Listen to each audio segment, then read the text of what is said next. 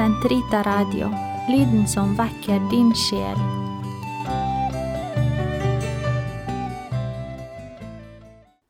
Den katolske kirkes katekisme, uke 31, mandag 5.35-5.40.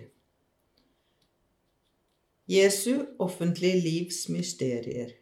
Jesu dåp.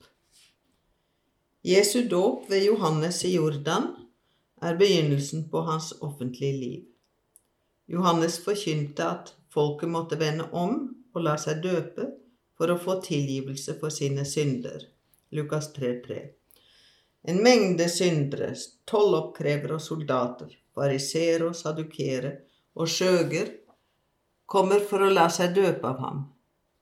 Nå kom Jesus. Døperen nøler, men Jesus holder på sitt og mottar dåpen. Da kommer Den hellige ånd i en dues skikkelse over Jesus, og røsten fra himmelen forkynner. Dette er min sønn som jeg har kjær. Matteus 3, 13-17. Dette er åpenbaringen, epifani, av Jesus som Israels Messias og Guds sønn. Jesu dåp betyr fra hans side at han tar imot og innleder sin sendelse som den lidende tjener. Han lar seg regne blant syndere. Han er allerede Guds lam som tar bort verdens synd.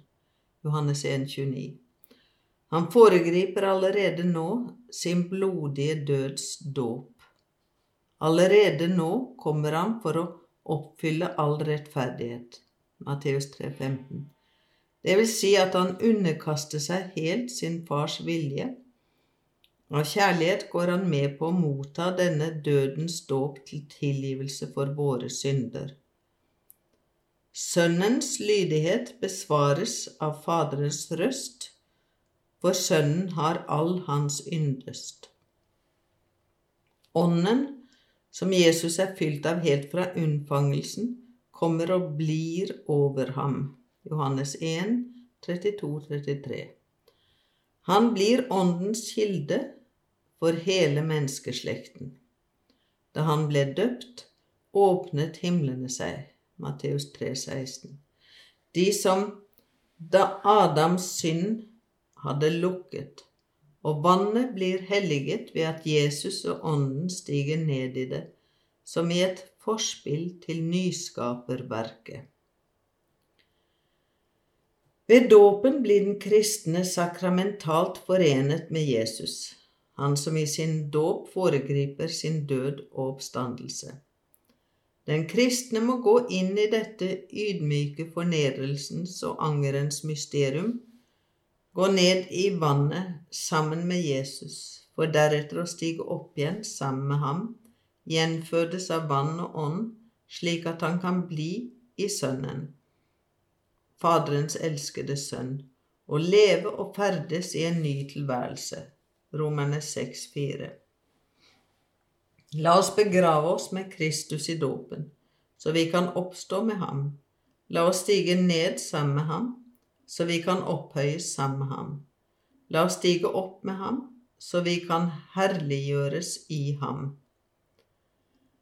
Alt det som fant sted i Kristus, lar oss erkjenne at etter badet i vannet kommer Den hellige ånd ned over oss fra himmelens høyeste. Og når Faderens røst gjør oss til sine sønner, da blir vi det også. Jesu fristelse Evangeliene forteller at Jesus en tid levet alene i ørkenen, like etter at han var blitt dømt, døpt av Johannes. Ånden drev ham ut i ødemarken, og Jesus blir der i 40 dager uten å spise. Han lever blant ville dyr, men engler går ham til hånde. På slutten frister Satan ham tre ganger og forsøker å sette hans sønneforhold til Gud på prøve.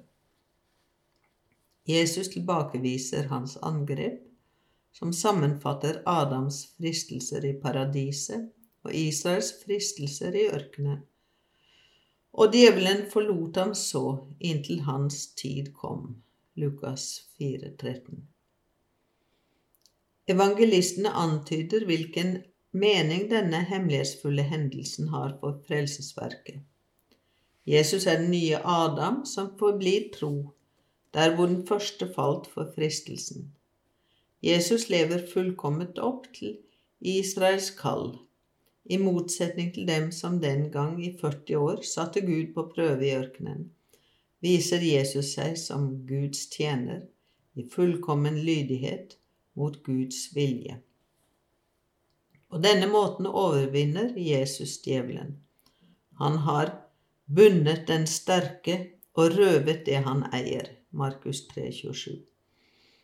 Jesus seier over fristeren i ørkenen foregriper lidelsens seier, Sønnens høyeste lydighet av kjærlighet til Faderen.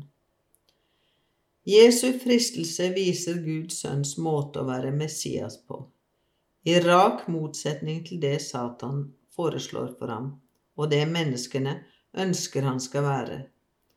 Derfor har Kristus overvunnet fristeren for oss.